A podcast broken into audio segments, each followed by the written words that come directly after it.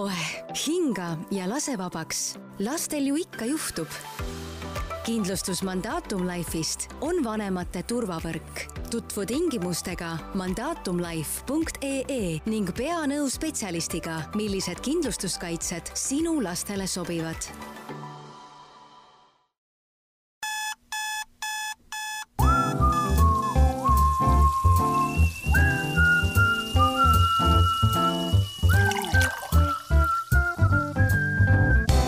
tere hommikust või hoopis tere päevast või tere õhtust, kallis kuulaja, millal iganes sul on võimalus äh, meie podcasti kuulata.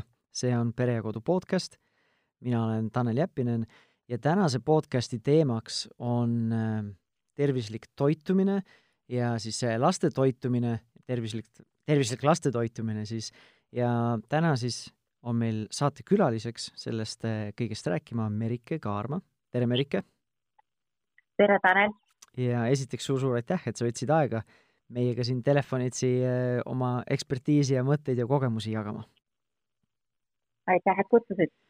ja, ja kuulajale ka kontekstis, et eh, Merike on toitumisterapeut, toitumisnõustaja ja on läbinud eh, mitmeid Anneli Tootsi kooli, toitumiskooli erinevaid programme ja lisaks sellele on ta ise kolme lapse ema, ehk siis ta ei räägi ainult siis teooria, teooria baasist, vaid on ise ka paljusid asju, millesse me loodetavasti täna jõuame, eriti mis puudutab laste selliseid, ma ei tea, kas isusid, soove, eripärasid, et siis on ise ka üht-teist läbi kogenud, nii isiklikult kui ka siis oma, oma professionaalses töös. aga kõigepealt, Merike, kas sa saad natukene laiendada või äh, nii-öelda konteksti anda ka selles suhtes, et mis on siis toitumisnõustaja, mis on toitumisterapeut ja mille võrra need kaks erinevat nii-öelda siis tiitlit erinevad no toitumisnõustaja on äh, spetsialist, kes on läbinud siis äh, äh, teooriaõppe siis praktilise poole ja eristab siis neid kahte nõustajat ja terapeuti siis läbitav õppe pikkus, praktikad ja terapeudile lisandub siis ka, lisandub siis ka toitu, haiguspõhine toitumine. ehk et toitumisteraapia on siis täiendava meditsiiniharu ja seda rakendatakse siis krooniliste haiguste korral nende klientide puhul, selleks, et nende tervist ja heaolu siis edendada. Mm..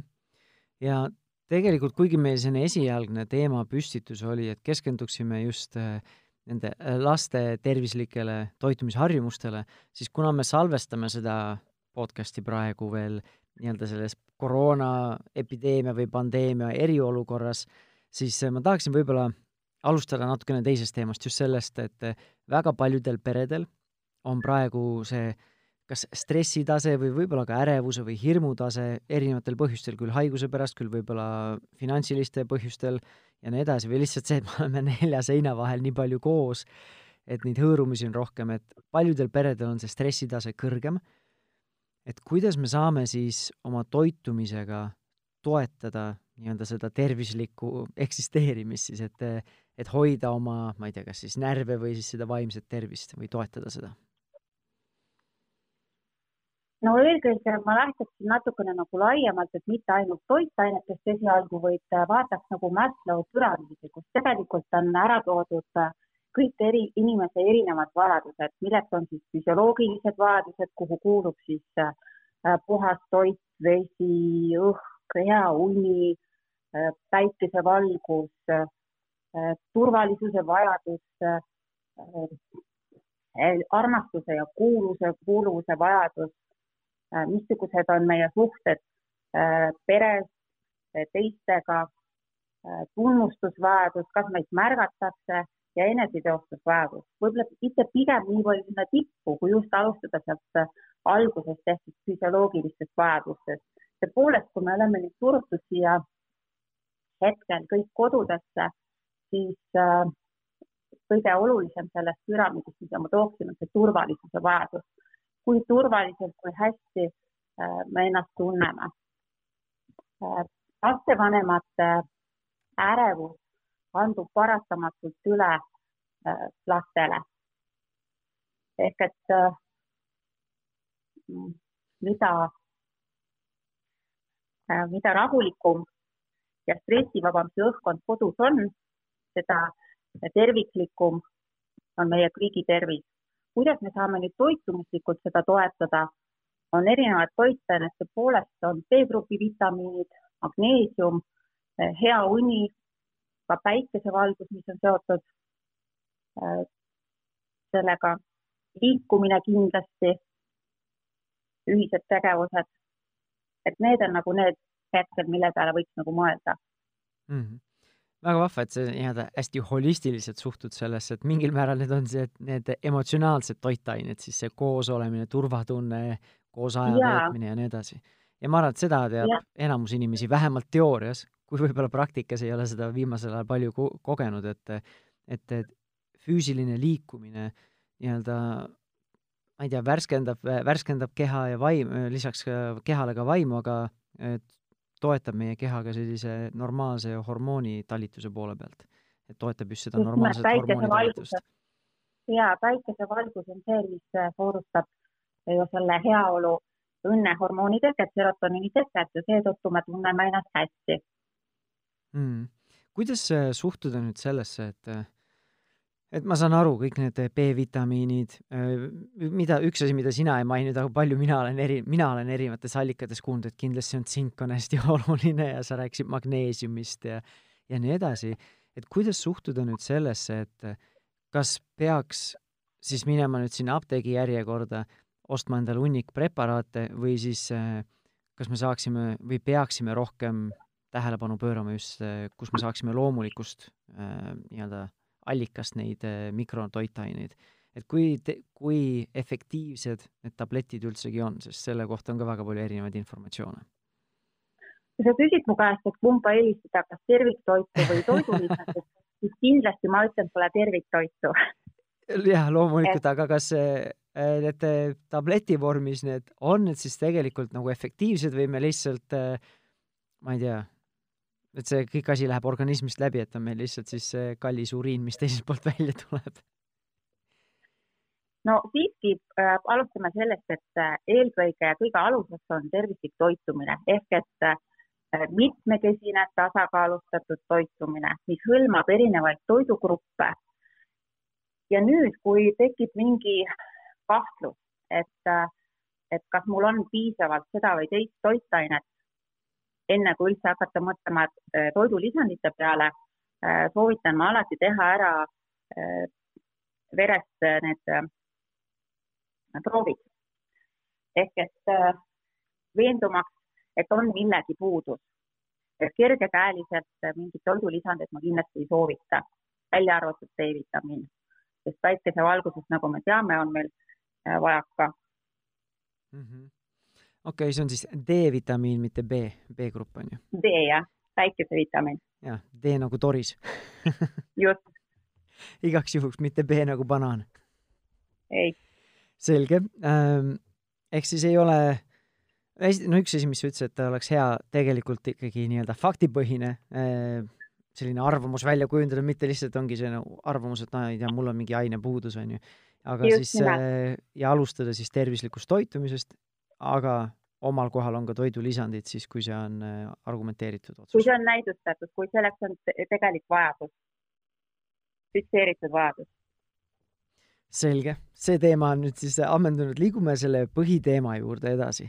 Ähm, mina olen ise lapsevanem ja meie lapsed on võrdlemisi noored kui äh, me salvestuse väliselt äh, rääkisime, et sinul on kolm last, kellest kaks on juba täiskasvanud, üks on koolilaps, siis meie oleme veel selle teekonna päris alguses. meil on äh, vanem tütar on viiene ja siis noorem on poeg, kes on kolmene.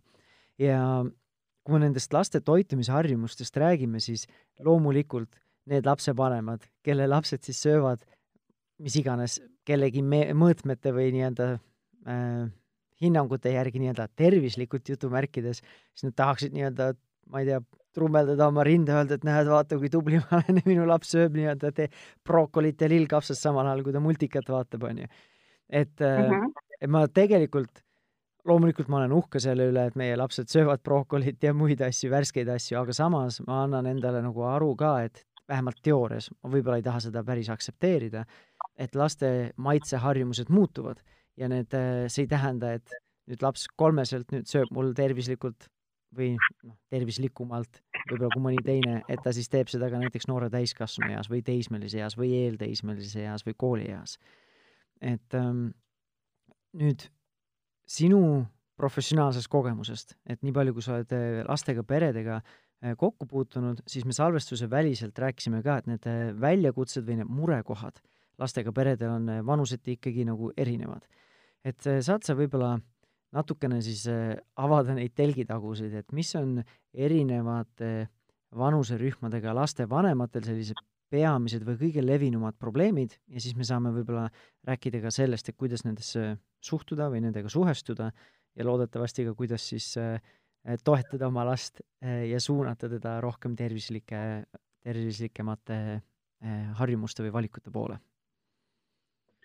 ja tõepoolest, kui me räägime lastest, siis äh, laste arengus on siis erinevad eaperioodid, äh, kus on siis, eelistatakse siis imiku, väikelapse, mis on siis äh, üks kuni kolm aastat, koolieeliku ehk siis kolm kuni seitse aastat, koolilapse ehk seitse kuni kaksteist eluaastat ja siis viimane noorukiga ehk teismelisega kolm kuni kaheksateist aastat murekohad, kus siis äh, lapsevanemad on, äh, millega siis lapsevanemad on pöördunud minu poole, on, on siis erinevate vanusegruppide lõikes natuke erinevad üksteisest, näiteks väikelapse ea puhul on see valikuline söömine väga, väga nagu teemaks osutunud, et just nimelt, et süüakse kindlaid toiduaineid, et lapsevanem tahab tihti, et et mu laps võiks süüa sedasama brokolit näiteks, et ometi ta ei söö seda, et ma ütlen, mida ma pean tegema, et, et ta seda sööma hakkaks.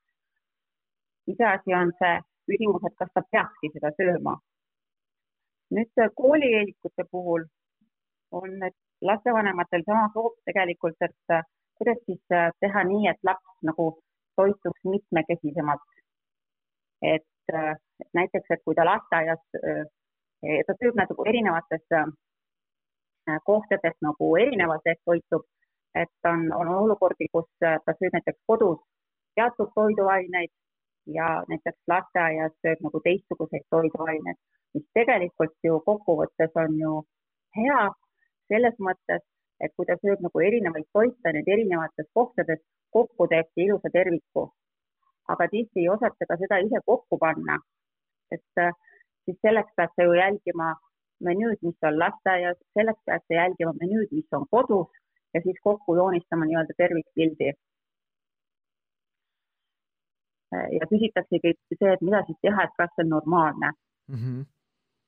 ja koolilaste puhul äh, tulevad juba siin esile erinevad terviseprobleemid, milleks on siis toidutalumatused, suur äh, suhkrusõltuvus teemaks on ka oma taskuraha, mille eest siis, kui kodus laps on nagu väga äh, ütleme, range lapsevanema kontrolli all ja omades oma taskuraha, siis ostetakse siis puhvetist või siis poest või kioskist siis äh, maigustusi.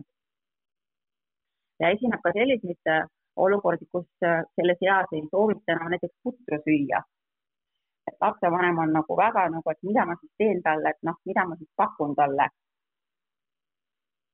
et äh, ja noorukeas, teismeeas, siis on siis juba need, kus käivad kaasas need hormonaalsed tegurid, ollakse emotsionaalne, samamoodi on suhkrusõltuvus, esinevad erinevad nahaprobleemid. ja,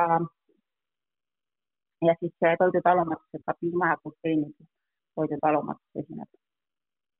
ja siis otsitakse, otsitakse siis äh, asendusi, kuidas siis piima gluteenime nüüd asendada mm. -hmm. no siin äh, seda nimekirja kuulates kehtib hästi seesama reegel, mida öeldakse, et väiksed lapsed, väiksed probleemid, suured lapsed, suuremad probleemid. et, äh, et alustame sellest äh, nooremast otsast siis.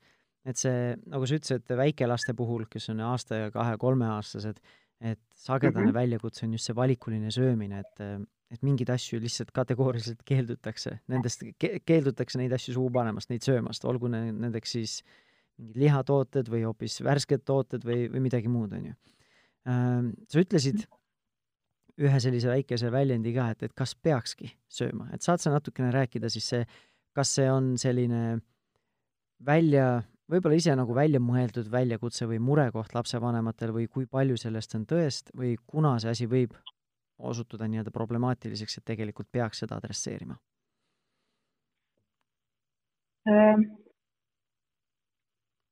tegelikult äh, lapse söömisharjumuse kujundamisel üldse on eeskujuks tegelikult lapsevanem. see, mismoodi ta kujundab selle söömisharjumuse. Tihti näeb lapsevanem nagu seda, et äh, ma tahan, et mu laps sööb, sööb täpselt neid samu toitaineid, mida mina, aga laps teiselt poolt on tekkinud nagu tõrge. laps ei võta nagu seda infot ja seda vastu, tunneb, et ta on nagu survestatud. et üks viis, kuidas lapsed äh, seda nagu survet maha võtta, on see, et kasutada näiteks lapse uudishimu toidu vastu. et lapsed, laste põhiline töö on õppimine, mängimine. Ja nad on valmis õppima tegelikult äh, läbi mängu toitumist. Ja hästi vahva viis, kuidas äh, seda on võimalik teha, näiteks Sapere äh, meeltekool. see on siis, meeltekool on mõeldud lastele. Meeste arengut toetav selline õppeprogramm, põhineb Sapere metoodikal. Ja Sapere tähendabki siis maitsma, proovima ja ka julge olema.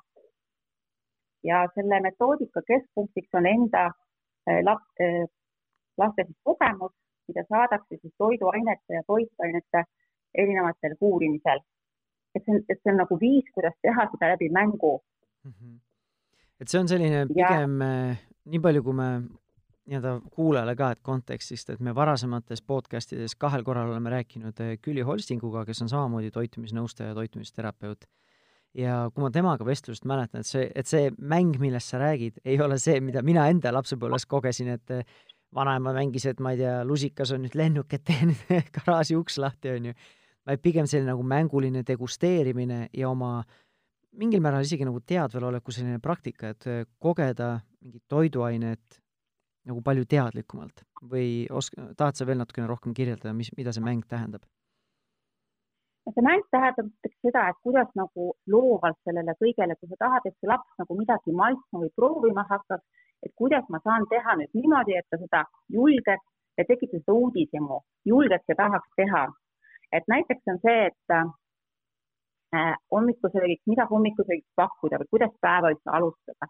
tee näiteks oma lapsele võileib, ütleme, et ta on kandiline röstvõileib, pane sinna peale näiteks äh, maapähklivõid või mandlivõid, äh, tee sinna näiteks karukuju, kasuta banaani, kasuta mustikaid, et oleks lõbus.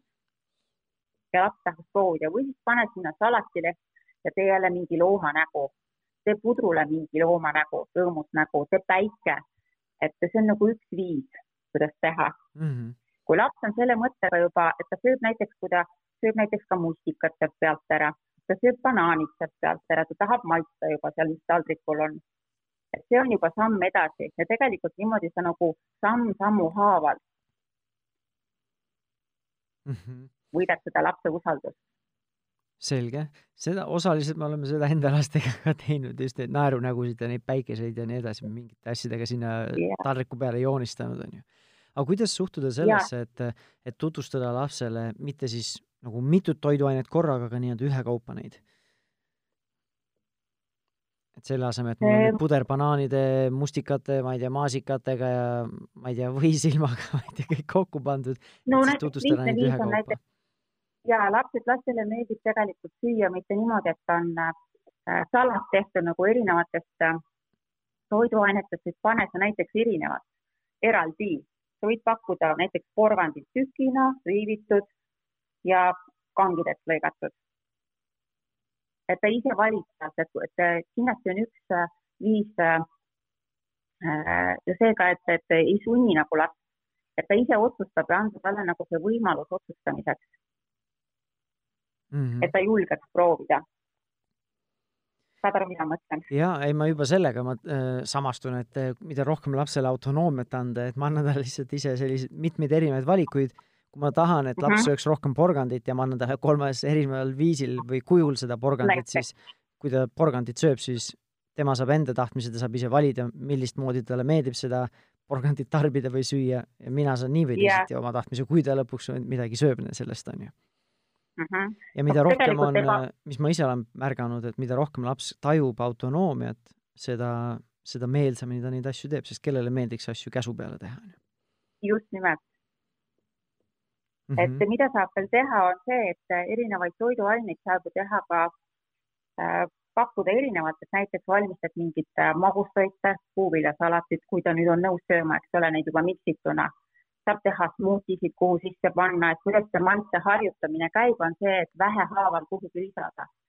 näiteks pastakastmesse tahad, et ta näiteks ei söö, ütleme sedasama porgandit, eks ole, et ma lihtsalt pastakastmesse püreerin selle porgandi ja panen selle sinna sisse ja vaikselt maitseharjumused hakkavad kujunema. selge. ja kui palju nendest, nii palju, kui sa oled jaganud või rääkinud, siis mulle tundub, et väga paljud nendest äh, lähenemistest kehtivad ka sellele järgmisele valikugrupile, mis on eelkooliealised lapsed, kolm kuni seitse aastat vanad. et eh, seal sa ütlesid, on samamoodi see valikuline söömine on suureks väljakutseks ja siis teine asi on siis see, et vanemate hinnangul see tundub, et, et nende, ma ei tea, söögilaud või siis need toitumine on pigem nagu ühekülgne. et eh, mis lähenemised siin selles vanuserühmas veel juurde võiksid tulla või kuidas siis toetada seda tervislikku toitumist? no näiteks üks viis on see traditsioonide loomine, et äh, koonda, loo nagu peresse traditsioonid, et kõik peres olid näiteks koos.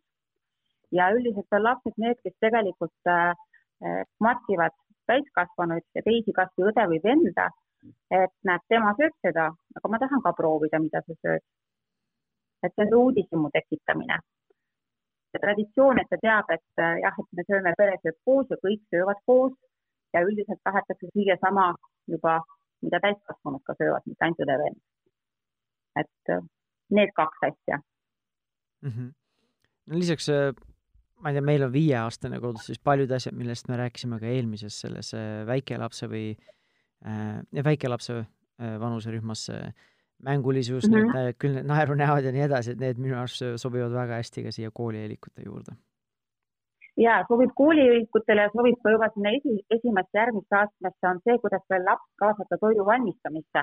et lapsed on ju hästi altid õppima ka ise, ise valmistades ja on ja meelsamini siis maitsevad ja hakkavad sööma neid toite, mida nad on ise teinud. ehk et nad ise näevad, mida nad panevad sinna toidu sisse. ja on ka siis teadusuuringud on siis ja ka praktika näitab seda, et nad on nõus rohkem siis neid toite juba nii maitsma kui siis ka sööma hakkama mm. -hmm.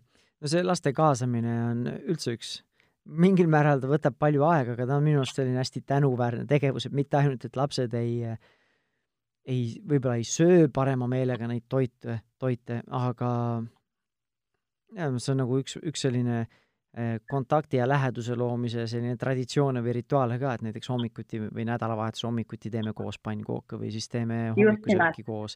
et selline aitab kontakti luua, seda lähedust, millest sa just rääkisid, nii-öelda need emotsionaalsed toitained. ja teine siis laps tegelikult ju õpib nii-öelda reaalseid eluoskusi. et mul ei ole võib-olla ma ei tea, kahekümne aastane noor inimene, kes ei oska muna praadida, aga selle asemel on mul siis võib-olla kahekümne aastane noor, kes saab täiesti iseseisvalt hakkama, et noh, tegelikult juba varasemas eas, koolieas ta oskab ise endale süüa teha, kui ta koolist varem koju tuleb, enne vanemaid ja nii edasi, et. ja koolieas on ka see ja ka, ka lasteaias juba al al algab tegelikult see asi, et neile väga meeldib ise näiteks toitu ka kasvatada.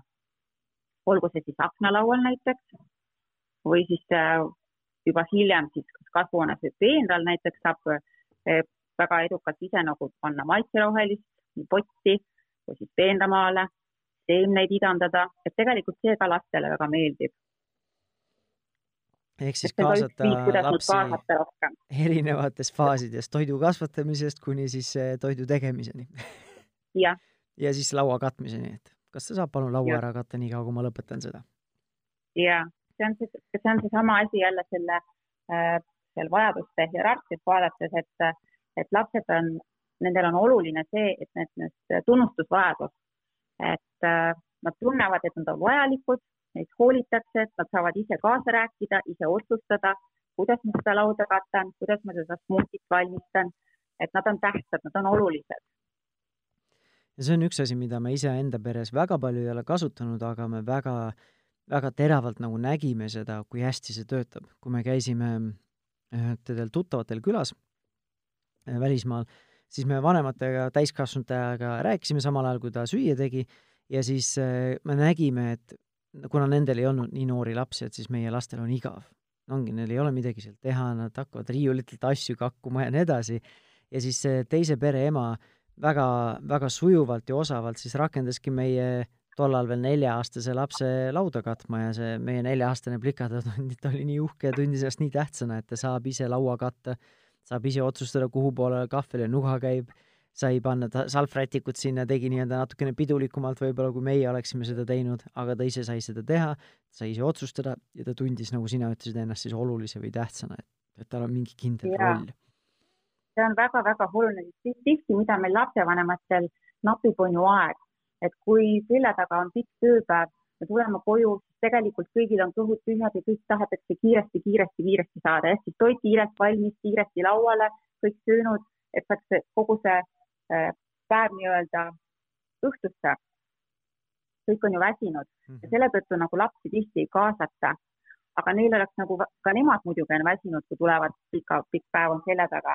aga nende jaoks tegelikult tasuks võtta natukene aega ja näiteks kui öelda lapsele, et kuule, kas sa aitaksid mul palun lauda katta, et ma usun, et, et enamus lastest on nõus seda tegema mm. -hmm. et minu praktika näitab küll seda, et, et kui sa palud lapsel midagi teha, ta tunneb ennast olulise ja tähtsana, temast hoolitakse, temaga arvestatakse ja ta hea meelega teeb seda. et tegelikult tasub selle peale mõelda. hästi vahvad loomulikult on need pühapäevased pannkoogi hommikud, muuseas laupäevased, kuidas kellegi peres on traditsiooniks saanud. et äh, seal jällegi on neil see võimalus. Mhm. no nagu sa ütlesid, et tuleks nii-öelda neid traditsioone ja rituaale luua ähm,. olgu ja, see siis igaõhtusest, et olgu siis nagu sa ütlesid, et nädalavahetuse pannkoogi hommikud või, või siis see igaõhtune ühine perene, pere nii-öelda see söömaaeg, õhtusöök kus pere ja. on koos, loodetavasti ilma teleka, ilma nutiseadmeteta, et saaksid teineteisele keskenduda ja nii edasi. aga liigume edasi nüüd sellele järgmisele vanuserühmale, seitse kuni kaksteist aastat, need kooliealised lapsed ja, ja siin, nagu sa rääkisid ka, et siin hakkavad rohkem või sagedasemini need, kes sinu poole pöörduvad, siis jagavad, et reaalseid terviseprobleeme, olgu nad siis kas mingid toidutalumatused või sa mainisid ka suhkrusõltuvust Äh, ja siis teine asi, millest sa rääkisid, on siis vanemate rahulolematus oma laste valikutega, mida ja kuidas nad oma äh, taskuraha kulutavad. kuidas äh, sellele vanusele siis läheneda niimoodi, et me saaksime positiivsemalt mõjutada nende harjumusi? ja no tõepoolest, siin on siis see, et, et kui on tegemist erinevate terviseprobleemiga lausa siis äh, tuleb kindlasti koos juba lapsega koos seda teemat arutada. kui nüüd lähtuda sellest, et, äh, et lapsevanemana, mida ma siis saan teha ja kuidas ma saan seda siis last aidata või mõjutada, on see, et üks kindel asi, see, et ära osta koju üldse selliseid äh, toiduaineid, šokolaade, komme, küpsiseid, mida sa ei taha, et su laps sööb. Äh, teine, ole järjekindel ja järjepidev ja pakku nagu valmista tervislikult toitu ehk siis pane sinna ikkagi köögivilju eh, ja, ja osta nende eh, suhkrurikaste maiustuste asemele eh, magusamaid puuvilju. kas neid saab pakkuda siis kas eraldi nii-öelda tervetena, samamoodi puuviljasalatina või siis smuutina. et saab, mis nüüd toskurahusse puutub, siis äh, see on kõige raskem probleem üldse. et siinkohal saab lapsevanem ainult äh, rääkida nii-öelda, istudes koos lapsega maha ja rääkida ja arutada seda teemat, et, et mis me nüüd koos saaksime nagu ette võtta, et just asju koos lahendada, ühesõnaga mm. -hmm. et see on kõige raskem no., raskem probleem, eriti tekib see probleem siis, kui lapsevanem on hästi kontrolliv ja, ja autoritaarne ütleb, et nii on ja nii peab olema ja nii ei tohi olla. et äh, selles osas peab nagu kuidagi leidma ja võib-olla ka kaasama äh, mõne psühholoogi. Mm.. ma tahtsin ise sedasama asja, sedasama asja rõhutada, et, et noh, tegelikult ju meie enda eesmärk kogu selle teemaga, mida me täna ka siin sinuga arutleme, on see, et, et laps õpiks ise tegema paremaid valikuid. äh, või tervislikumaid valikuid või teadlikumalt suhtuma oma toitumisse. võib-olla see on isegi parem, sest kui niimoodi ütlen, et paremaid valikuid, siis kelle arvates paremaid valikuid on ju, et kas minu või tema arvates. aga et selline, et rohkem teadlikumalt suhtuma oma, oma tervisesse, oma toitumisse sest ma arvan, me kõik täiskasvanutena oleme seda kogenud, et noorena me võisime palju asju teha või palju rohkem nii-öelda halvemaid valikuid teha või ebatervislikumaid valikuid teha, ilma et me kogeksime neid tagajärgesid. et nüüd, kui meil on nii-öelda keerulisemad või halvemad harjumused toitumisega, siis kolmekümnendates ja veel hullem, ma arvan, et veel rohkem neljakümnendates, viiekümnendates, siis see meie keha võib-olla ei ole nii andestav enam, et meie ainevahetus on muutunud, hormoonid on muutunud ja nii edasi et me tegelikult ju tahame, et laps teeks ise teadlikke valikuid. ja, ja see, mis sa ütlesid, et ongi, kui see lapsevanem on väga kontrolliv või autoritaarne, siis võib-olla me saavutamegi selle, et nii kui mina olen kuskil lähedal, siis laps teeb häid valikuid, aga nii kui mind ei ole, olgu ta siis kas koolis, kuidas ta taskuraha kulutab, või siis ta saab kaheksateist, üheksateist, kakskümmend, läheb ülikooli, kolib kodust välja, ta teeb täpselt samasuguseid valikuid, nagu ta tahab teha et äh, ja sa nagu sa ütlesid, et see on see keeruline koht, et no et kuidas ma saan mõjutada oma last selliselt, et ta ise sooviks teha nii-öelda neid tervislikumaid valikuid. Jah, see ongi tegelikult kõige keerulisem ja kui ise hakkama ei saa, siis tulebki nagu nõustaja juurde pöörduda ja tegelikult nii, nii emal kui siis äh, nõustajal panna pead kokku ja vaadata, mida tegelikult äh, siiamaani tehtud on, ema teinud on mm. -hmm. et äh, missugune on see pere, missugused on peresuhted, just nimelt on see autoritaarne või mitte, kas, missugune iga on lapsel, kui tal on puberteediiga, kuidas seda emotsionaalset tasakaalu nagu parandada, missuguseid toitaineid, kuidas ta toitub, kas seal on B-grupi vitamiin, kas ta sööb teravilju, kas ta, mida seal sööb, tuleb nagu seda momenti arutada, mm -hmm. üle vaadata no ühest kohast on see, et, et kindlasti teismelised võivad teha äh, mingeid valikuid, millega meie täiskasvanutena ei taha võib-olla nõustuda või ei pea kõige paremaks. Aga samas, kui me mõõdame oma teismelisi ainult enda mõõdupuu järgi, siis see võib-olla ei ole ka väga adekvaatne, sest teismelise keha on palju nii-öelda erinevama nii-öelda ainevahetusega, vaja, selle keha vajadused on teistsugused kui nüüd täiskasvanud, välja arenenud keha vajadused, lisaks on kõik need hormonaalsed muutused ja nii edasi. Et oskad sa seda natukene kommenteerida, et kas, millised on teismelise organismi äh, vajadused või ku-, mille võrra nad näiteks erinevad varasematest, nii-öelda noorematest lastest või siis näiteks täiskasvanud ja arenenud organismist? see on hea küsimus sul et on, on on erinevad, tõepoolest erinevad äh, ütleme, et äh, organismi kasvades kasvavad ka toitainete, eks ole, energiavajadus. et on teada, et näiteks äh, milleks vajab keha D-vitamiini, et ta on oluline seal luude tervise toetamiseks.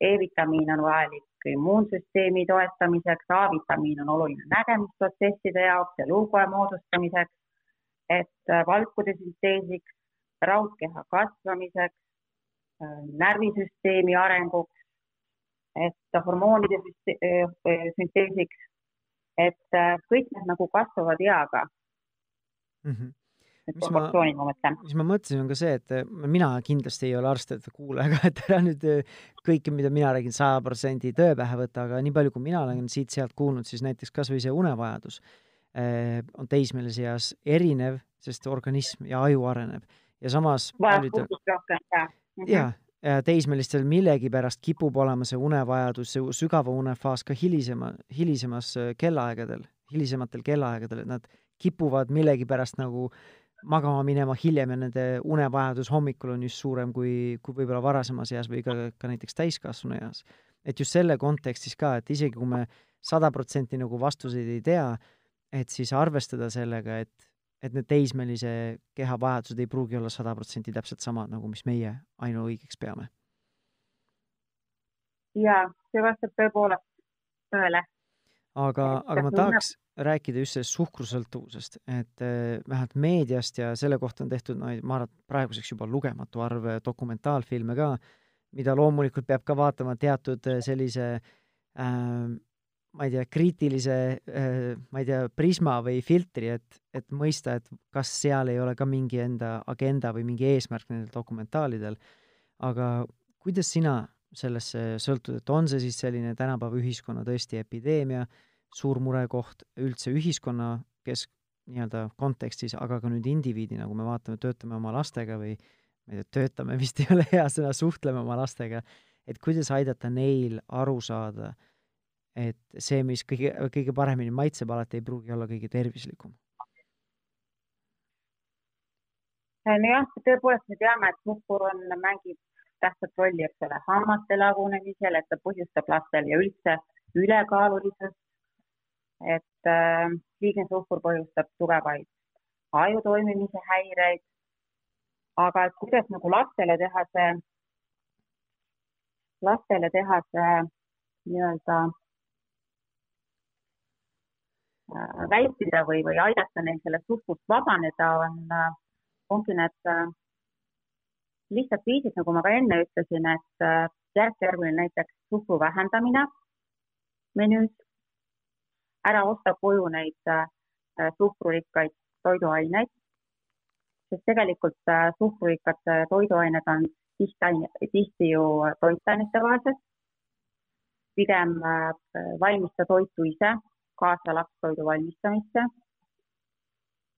eelista siis neid magusamaid puuvilju ja see, kui ta ise on jõudnud, äh, kui seda teha nüüd erinevate, me vaatame nagu seda läbilõigest lapse arengus, teha nagu seda ajapikku, siis tegelikult see toitumusharjumuste väljakujunemine ei toimu üleöö.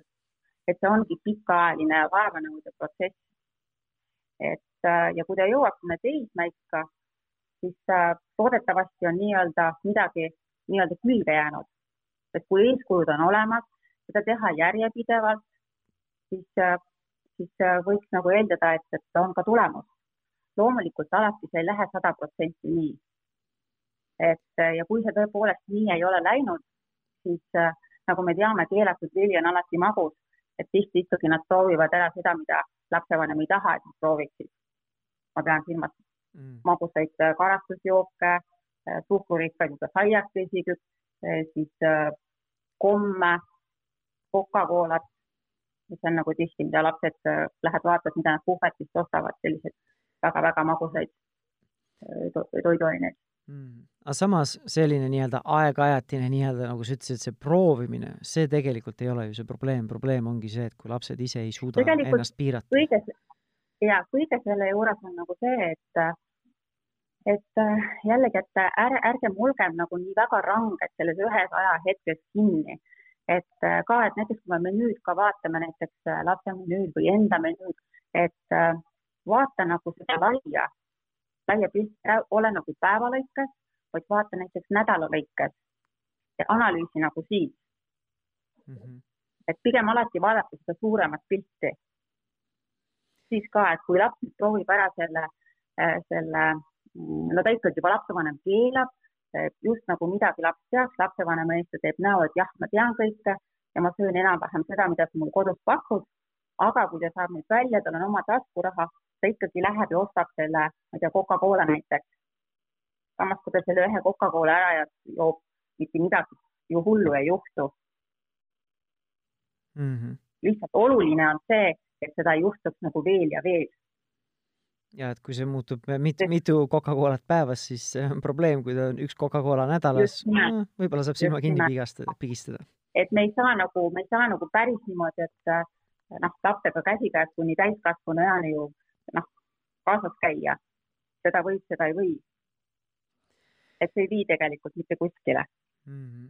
pigem on see, et kujunda ise, äh, kujunda ise see harjumus, aita tal seda nagu mõista, räägi temaga, kasuta erinevaid tehnikaid, kaasa laps toidu valmistamisse, ähm, selgita lahti nagu erinevad äh, tasakaalustatud toitumise kasutegurid. no näiteks, et see võimaldab saada paremaid õpitulemusi, see toit annab sulle rohkem energiat, oled kiirem, näiteks laps tegeleb mingi spordialaga, et, et oled näiteks, ma ei tea, kiirem jalgpalliväljakul või või, või, või malemängus nagu mõttetöö töötab paremini, kui sa sööd seda või seda mm.. no kui sa räägi kõigest, enda lugusid näiteks, kui sa näiteks, näiteks kõigest, enda lugusid ja et minu ema näiteks ka ütles niimoodi, et ma ei tohi seda teha. vot ma läksin siis, sain kodust välja, mul oli ka selline võimalus, proovisin, räägi nagu selliseid lugusid, et need on ka need nagu, mis ühendavad nagu lapsega, loovad seda usaldust. mm -hmm. Kui sa kõigest sellest räägid, siis äh, mis kõlama nagu jääb, ongi see, et see selline teadlik äh, suhtumine ja et see, see on hästi, see ongi nagu pikaajaline plaan, et see ei ole selline asi, et ma lihtsalt loen lapsele ükskord moraali ja nüüd on kõik. ja, ma, ja ma eeldan, et nüüd ongi nii ja ootused on see, et nüüd laps teeb alati õigeid valikuid. aga nagu me algusest peale rääkisime, et, et see väga palju algab kodust, minu ja minu naise nii-öelda vanemate eh, suhtumisest Just, ja sellest mis on meie harjumused. Just, ja siis nagu sa ütlesid, tee siis plaan nii-öelda järk-järgult hakka vähem mingeid asju kasutama kodus, mitte see, et nüüd järsku enam on nii-öelda kindel reegel, et enam seda ei tohi ja kogu lugu, aga ongi selline pikaajaline yeah. plaan ja järjepidevus ja ise nagu selline teadlik suhtumine. ja teine asi, mida ma kuulen, on siis see, et et samal ajal siis panustada sellesse, et sul oleks lapsega selline usalduslik ja lähedane suhe. et ei ole teineteisega, ei istu nagu läbirääkimiste laua taga nagu vastased, et kui mina nüüd võidan, järelikult sina pead kaotama, aga me oleme mingil määral Mhm. nagu ühes paadis ja töötame Just. ühe eesmärgi nimel ja jagame oma Just. kogemusi, oma eesmärke ja see oli hästi vahva, mida sa jagasid, et, et tõesti, et proovida see lapse selline nagu vastutusvõtt, nii-öelda võita või see poolehoid, et laps ise võtab ka vastutuse oma toitumisharjumuste eest. et eriti just seda vanemate laste puhul, et teismeliste, eelteismeliste puhul, et proovida siis eh, kogu see teema siduda ka nende jaoks tähtsate teemadega, olgu see siis sportlikkus või spordisaavutused või muud eesmärgid või muud asjad, mida nad tahavad teha või saavutada või kogeda, et näed, sellised, sellised valikud annavad sulle paremad šansid või parema võimaluse, on ju. Just, et see on, kõik on selline pikaajaline plaan, et ei ole selline ühekordne moraali lugemine, nagu me kõik tahaksime, et oleks. samas oma lapsepõlvest me teame, et see moraali lugemine on võrdlemisi väikese efektiivsusega. see ei vii tegelikult mitte kuskile. ja tulebki olla nagu kannatlik ja jär, järjepidev, sest noh, kõik ei tule üleöö. Mm -hmm. ja, ja tihti on ka see, et äh, tuleks nagu aktsepteerida näiteks lapse valikut ka teistmoodi süüa. Noh, kui sulle meeldib neid süüa. et äh, noh, need sina sööd näiteks tatart ja talle tõepoolest see tatar ei maitse millegi poolest, ta ei pea seda kindlasti sööma. Läheb aeg mööda, ta hakkab seda uuesti sööma Mm -hmm. või, või on nõus seda proovima, hakkab sööma seda. mul endal näiteks oli selline kogemus lapsena, et kui lasteaias pakuti tatraputru, mis oli minu jaoks väga-väga ebameeldiv, sest see oli juba valmistatud väga ebameeldivalt. see lõhnas ebameeldiv ja ma ei söönud seda. aga läks aeg mööda ja tatar on täna mu lemmik, Mm -hmm. et, äh, et tuleb, tuleb, on ka selliseid asju. Äh, nüüd, kui meil on nagu ikka äh, suhteliselt märkamatult varsti kolmveerand tundi täis, et äh, ja hakkame, kui me hakkame neid otsi kokku tõmbama, et äh, nii nagu arvata võis, siis äh, me kõikidesse teemadesse, mida me esialgu planeerisime jõuda, kõikide nende teemadeni ei jõudnud, sest see vestlus ikka tavaliselt venib pikemaks ja tulevad uued nüansid sisse. et äh, selle teema puhul, mida me täna jõudsime ära katta, et äh, tunned sa, et kõik oluline sai mainitud või tahad lõpuks siia veel midagi ekstra rõhutada, üle korrata või veel mingi uue asja siia sisse tuua, et mis sa tunned, et jäi ütlemata või jagamata? Ähm, ma arvan, et, äh, et ütleks lapsevanemale nii, et mõelda võib-olla nende äh, asjade pe- peale, et äh, näiteks, et mida soovid nagu, et kui sa mõtled nagu lapse toitumise peale, et mõtle, et mida sa soovid saavutada ja miks sa soovitad, soovid saavutada. et näiteks mõtle enda jaoks see tegevuskava lahti. et äh, ole loominguline, mängi näiteks lapsega mingeid mänge me rääkisime sellest Sapere metoodikast.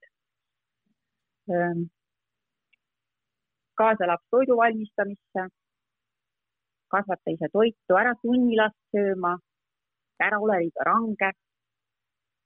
ja seleta lahti, miks sa midagi teed. ja kui nüüd on soov ikkagi rohkem teada saada, kuidas siis last saada maitsma erinevaid toiduaineid, siis on olemas ka erinevat kirjandust, mida lugeda, et ma tooksin siinkohal näiteks välja kolm raamatut, milleks on näiteks laste toitumine ja tervis, kuidas aidata äärmiselt pirtsakat sööjat ja kuidas lapsi sööma saada. Ma-, maitsete maailma, et need on nagu need raamatud, mida võib siis sirmida ja, ja lugeda. ja loomulikult, kui ise, ise hätta jäädakse, siis ka pöörduda nõustaja poole mm. -hmm. kui keegi tõesti tunneb, et, kui keegi tõesti tunneb, et tahaks äh, professionaali tuge või sellist käehoidmist või nõu või suuna andmist, äh, kus nad sinu näiteks võiksid, võiksid üles leida internetiavarustest? on toitumisnõustajad.ee lehelt võib minu kontaktid leida ja veebis on mul teadlik valik, äh, on selline veebileht mm. -hmm. teadlik, teadlikvalik.ee teadlikvalik. Siis? jah. kuidas see oli täpselt? teadlikvalik.com. okei okay,, teadlikvalik.com ja mhm. siis toit, toitumisnõustajad.ee. .ee, just. väga vahva suur,. suur-suur aitäh sulle, Merike, et sa võtsid aega meie jaoks aitäh! ja mul endal oli hästi, hästi äge, et lõpus jäi kõlama just seesama äh, põhimõte, mida mina olen äh, juhtimisalalt väga palju kuulnud äh, ja kogenud, on see, et me ei saa, ka lapsevanematena me ei saa panna inimesi tegema ise teadlikumaid või paremaid valikuid, me saame, me ei saa nagu sundima neid, neid, neid valikuid tegema, aga me saame aidata neil ise nii-öelda näha neid, neid asju, et nad ise võtavad vastutuse, ise teevad need valikud, et mina ei saa elu lõpuni oma lapse eest neid valikuid jääda tegema. ja ma loodan, et see tänane vestlus oli huvitav ka sulle, kallis kuulaja. tänaseks eh, tõmbame sellega joone alla ja kui tänane podcast läks sulle korda, siis meil on nii-öelda podcast'i arhiivis juba kümneid ja kümneid eh, podcast'e, alates paarisuhetest, tegelikult ka päris mitmeid juba toitumisest ja laste toitumisest, kuni siis spetsiifiliste laste kasvatamisega seotud teemadeni ja kõik need varasemad podcast'id leiad sa enda kas nutitelefoni podcast'i rakendusest või äpist, Spotify'st või siis Delfi või Pere ja Kodu veebiväljaandest. ja kui sa oled juba väga äh, suur podcast'i kuulaja, siis kindlasti vaata ka minu nii-öelda sooloprojekti Rahumeelse vanemuse podcast. aga selleks korraks kõik, aitäh ja järgmise korrani, tšau!